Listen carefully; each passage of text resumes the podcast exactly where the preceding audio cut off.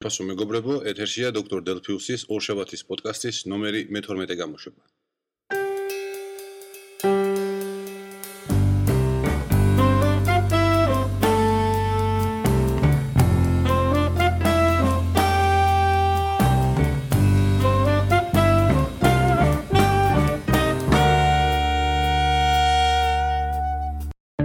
დღეს 8 ივლისია, ორშაბათი, როგორც ყოველთვის, 8 საათი და 56 წუთია თბილისის დროით და როგორც ადრე იტყოდნენ ხოლმე, ჩვენი მიკროფონები დაყენებულია ნაზალადების რადიო სტუდიაში. ეს ისე ნახევრად ხომ. აა, გასული კვირა საკმაოდ დამღრელი და რთული აღმოჩნდა პირადად ჩემთვის. თელი რიგი მიზეზების გამო სამუშაოც ბევრი იყო. ძირითადი დამატებითი სამუშაოც ბევრი იყო. აა და პირად ცხოვრებაშიც საკმაოდ ბევრი ესეთი რთული ამბები ხდებოდა. აა კერძოდ გუშინ კვირა დღეს 7 ივლისს აა წამოვიღე პირადი ნივთები ძველი სახლიდან და გავიგე რაღაც გაუგონოე და ესეთი დაუჯერებელი ამბავი. აა ჩემმა ყოფილმა მეუღლემ ვერ გაკაჭა ფინანსურად ხელა სახლის. აა შენახვა იქ საუბარია კომუნალურებზე 1000-1000 რაღაც ხარჯებზე და იძულებული გახდა დაეკირავებინა ეს სახლი და გათვითონ გადასულიყო პატარა ერთოთახიან ბინაში რასაც ახლა აკეთებს ამ დღეების განმავლობაში. უშინ დღეს ხო არ ვიცი ასე შემდეგ. აა არა რა თქმა უნდა ეს მისი პირადი საქმეა მე აქ მაგ თვალსაზრისით არ მithქვია ეს ამბავი არამედ იმ თვალსაზრისით რომ აა ძალიან დამწყდა გული რომ ის სახლი რომელშიც ამდენი შრომა იქნა ჩადებული ამდენი აა ენერგია სიყვარული მის კეთილმოწყობის ამბებში თითოეული დეტალი რაღაც იქ პატარა წვრილმანიც კი იყო გაკეთებული ორთავეს მიერ ძალიან ისეთი. ძალიან ბევრი სიყვარულის დახარჯვით. რომ აი ახლა ვიღაც აბსოლუტურად უცხო ადამიანები შემოვლენ იქ დასახლდებიან რაღაცას გააფუჭებენ რაღაცას წაშლიან და ზოგადად ის სახლი აღარ იქნება უკვე ის სახლი აღარასოდეს რომელშიც ჩვენ ცხოვრობთ იმ შემთხვევაშიც კი რაც მე წამოვედი და აღარ გახდა ის ჩემი ყოველ შემთხვევაში იქ ჩემი მარცვალი მაინც რჩებოდა იმ სახლში რაღაცა გაკეთებული. ეხლა ესეც ესეც გაქრება, რაც ძალიან ძალიან სამწუხაროა და გუშინ მაგის გამო საკმაოდ ესე თუ ხასიათოდ ვიყავი. ამ კიდე რაღაცა შეიძლება თავი და მე ბოლოს ბევრი ბევრი ძილის საშუალებით აღვიდგინე დაკარგული ენერგია, მარტო ენერგიაზე აქცობა.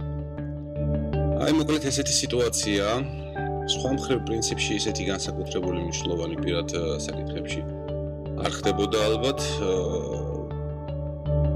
ამიტომაც მოდი ახლა ჩვენ გადავიდეთ იმ დაპირებულ თემაზე რომელზეც მე გასულ კვირას დავპირდი ჯემუკის ჯგუფის კითხველებს. საქმე ეხება Google Reader-ის შემცვლელის არჩევას. როგორც მოგეხსენებათ გასული კვირის დასაწყისში პირველ ივლისს დაიხურა Google Reader-ი უпроსტორად 2 ივლისს მოხდა საბოლოოდ მისი დახურვა.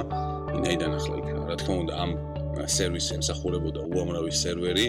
შესაბამისად, ახლა ეს არ არის ერთი ღილაკის დაჭერის ამბავი, რომ ყველაფერი ერთბაშად გათიშვილიყო და გამოსულ ანუ აორთქლებულიყო მთელი ეს ინფორმაცია.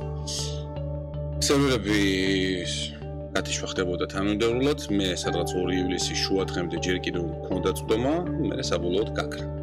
thank you ამ ფაქტამდე დაახლოებით 2 კვირის ადრე დავიწყე, ну მანამდეც ხონა მოძებნილი რაღაც რაღაც ალტერნატიული ვარიანტები, მაგრამ უფრო მეტი ინტენსივობით დავიწყე ძებნა იმისა თუ რითი ჩავანაცვლებდი Google Readers. აა დაახლოებით რო არ მოგატყუოთ 15-ოდე ვარიანტის ნახვის შემდეგ და საკმაოდ სკრუპულოზური აწონდაწონის შემდეგ ამ ეტაპზე შეჩერებული ვარ ორად ორ სერვისი რომელთაგანაც საბოლოოდ დარჩება ერთი რა თქმა უნდა იმიტომ რომ ნუ გადავწყვიტე უახლოესი ერთი თვის განმავლობაში ანუ თქვენ თქვათ რომელიც ივლისი, შეიძლება აგვისტოც დავაკვირდე ორთავეს და რომელიც უფრო მეტად იქნება ჩემთვის მოსახერხებელი, რომელიც უფრო მეტად იქნება სტაბილური, სწრაფი და ასე შემდეგ და ასე შემდეგ, მე იმას დავიტოვებ, რა თქმა უნდა, ხოლმე მეორეს გავაუქმე. საუბარია ამ ეტაპზე აი ამ სერვისების შორის ლიდერს ლიდერი ეს არის Feedly რომელმაც როგორც კი Google-მა გამოაცხადა თავისი გადაწყვეტილების შესახებ, რომ უნდა გაეუქმებინა თავისი სერვისი, იმ წუთშივე დაიწყო ძალიან აქტიური მუშაობა, რათა მომხმარებლისთვის მიეწოდებინა მაქსიმალურად ხარისხიანი სერვისი, აი ესეთი RSS არხების სერვისი. და მინდა გითხრათ, რომ საკმაოდ კარგად უძღვება ამ ამბავს. Hardware-ის, ანუ აპარატურული უზრუნველყოფის საკმაოდ დიდი ოდენობა იქნა დამატებული. იმისთვის რომ მრავალი ასეულ ათასი Google Reader-დან წამოსული კლიენტის დატვირთვისთვის გაეძლოთ. და რაც თავარია, მათ უკვე გააკეთეს ეს იგი ღრუბელი, ну ახლა მე ისეთი პერიოდში ცხოვრობ, როდესაც ყველაფერი ღრუბლებში კეთდება და ეს ძალიან პოპულარული თემა მოდურია ღრუბლის garaში არ შეიძლება რა თქმა უნდა cloud.feedly.com და შედიხართ რეგისტრაციას, ავტორიზაციას გადიხართ Google Google-ის ასე ვთქვათ username-ი და paroli-ით, მოხმარებლის სახელითა და paroli-ით. იმედია რომ შემდგომში საკუთარ ასეთს გადაიყვანენ, იმიტომ რომ აი ზამენიც არ არის კარგი, როდესაც მესამე სერვისის საშუალებით ხდება ავტორიზაცია და ეხლა უკვე არ ვიცი არის თუ არა Google Reader-იდან იმპორტის საშუალება, ვინაიდან თუ როგორც მახსოვს Google-მა განაცხადა რომ 15 ივლისს მთელი ის ინფორმაცია, რომელიც Google Reader-ში ინახებოდა, იქნება წაშლილი სერვერებიდან, ანუ ეს რა ინფორმაციაა ჩვენი.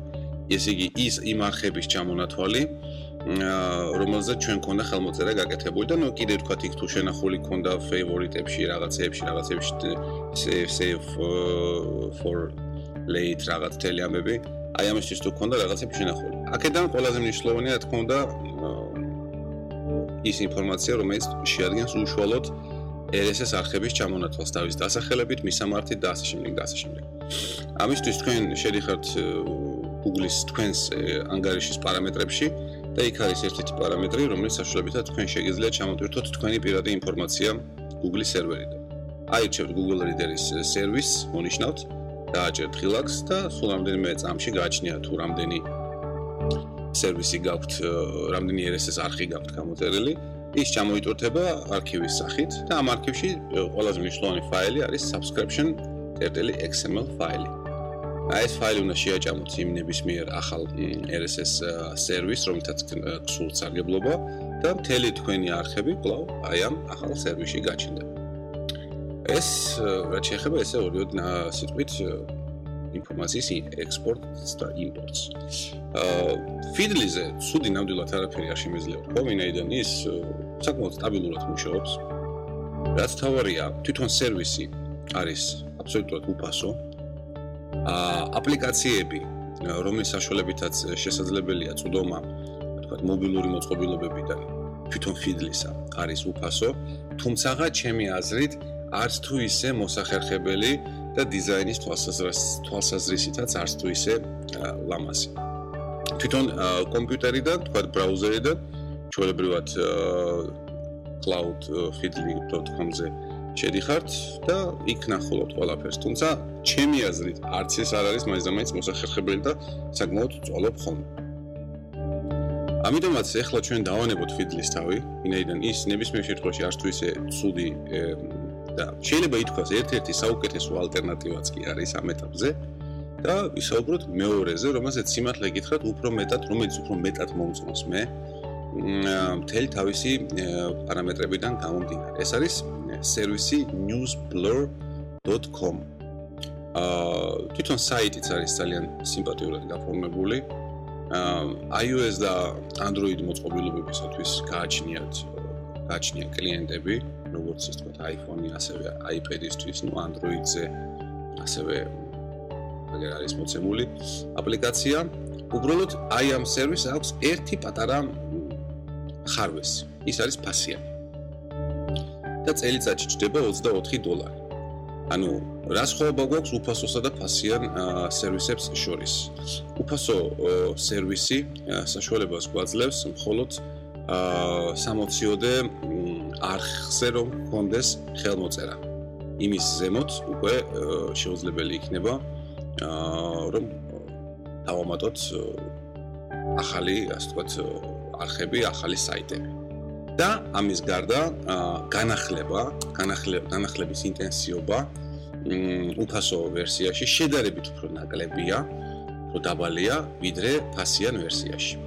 ჯერჯერობით მე უფასო ვერსია სრულად მაკმოყოფილებს ამ ორივე პარამეტრის თვალსაზრისით, ვინაიდან 40-მდე არხზე მაქვს ხელმოწერა გაკეთებული შესაბამისად ყოფნის სრულად, ანუ კიდე სადღაც 20-მდე შემიძლია დავამატო, მაგრამ მე თუ მკითხავთ ეს 40-იც ბევრია და შეიძლება დროთა განმავლობაში შევამცირო, ვინაიდან ეს უკვე სხვა საუბრის თემა საუბარია იმ კონტენტის, იმ შიქთავსის მოცულობაზე, რომელიც ყოველდღიურად ჩვენს თავზე გადმოიღურება, ეს არის გიგანტური მოცულობები, არანორმალურად დიდი მოცულობები.